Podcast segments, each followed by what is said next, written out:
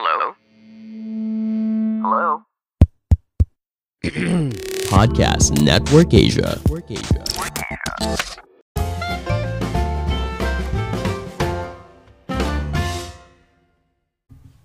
Halo semuanya, kembali lagi bersama saya Madianto. Kali ini kita akan membahas tentang tips hemat uang setiap hari agar hidup lebih sejahtera. Mau keuangan stabil?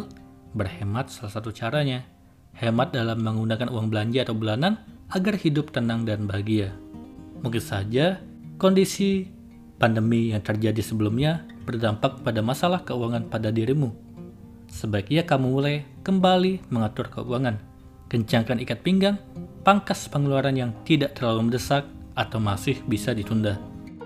Kalau kamu dapat menyiasati penghematan ini, keuangan dijamin aman tanpa menyiksa diri, karena kamu tetap dapat memenuhi kebutuhan hidup.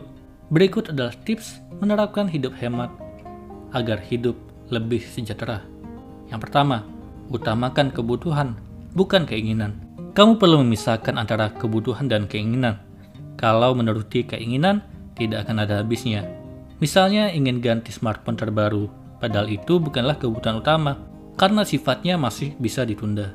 Kalau lebih mementingkan keinginan dibanding kebutuhan, kamu akan terseret pada pengeluaran yang tidak produktif. Sebaiknya alokasikan uang untuk kebutuhan yang betul-betul penting dan mendesak. Utamakan uang untuk membeli sembako, membayar tagihan rutin seperti listrik, air, asuransi, maupun cicilan KPR atau sewa rumah, biaya pendidikan anak, dan kebutuhan penting lainnya. Kedua, jaga mata dan nafsu saat berbelanja.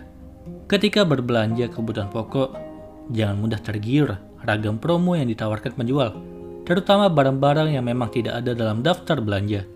Kalau gelap mata, kamu bisa kalap dan malah menghabiskan uang untuk barang yang tidak bermanfaat kecuali ada promo untuk barang yang ingin kamu beli agar pengeluaran lebih hemat. Tapi hati-hati dengan promo yang menjebak. Ketiga, barang lebih murah. Agar lebih hemat, kamu bisa mengganti barang yang harganya lebih mahal dengan yang harganya lebih murah.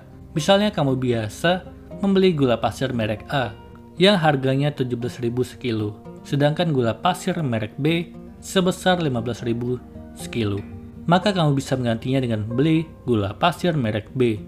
Keempat, kurangi kebiasaan buka situs belanja online. Dewasa ini, banyak toko online bermunculan.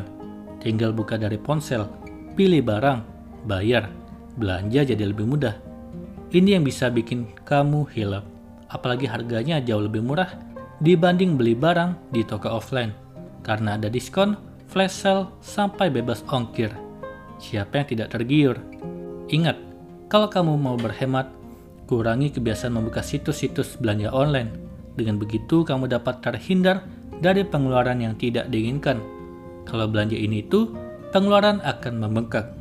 Kelima, sisihkan uang untuk tabungan, dana darurat, dan investasi. Berhemat bukan berarti mengabaikan tabungan, dana darurat, dan investasi. Kamu tetap harus menyisihkan uang untuk ketiganya. Masing-masing sisihkan 10% dari penghasilan lebih besar, lebih baik. Tabungan dan investasi sangat penting untuk masa depan keuangan. Sementara dana darurat disiapkan untuk kondisi mendesak dan sifatnya tidak terduga seperti sakit, kehilangan pekerjaan, dirumahkan, kecelakaan, dan sebagainya. Keenam, hidup sederhana dan minimalis. Hemat bukan pelit. Berhemat berarti kamu harus menerapkan hidup sederhana dan juga hidup minimalis.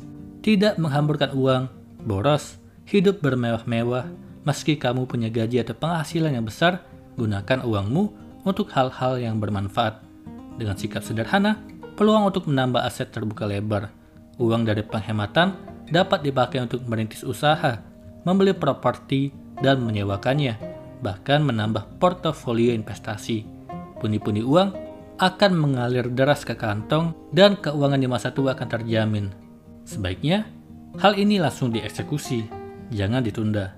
Hidup boros tidak ada artinya. Kalau kamu sudah punya rencana berhemat, langsung saja eksekusi.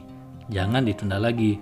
Kalau sudah dijalankan, mungkin akan terasa berat di awal, tapi lama-lama akan terbiasa dan menikmati hasilnya dalam jangka panjang.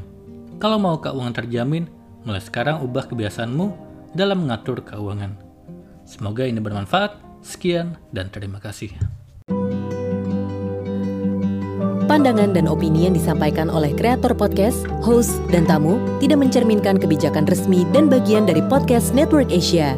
Setiap konten yang disampaikan mereka di dalam podcast adalah opini mereka sendiri dan tidak bermaksud untuk merugikan agama, grup etnik, perkumpulan, organisasi, perusahaan, perorangan, atau siapa pun dan apa pun.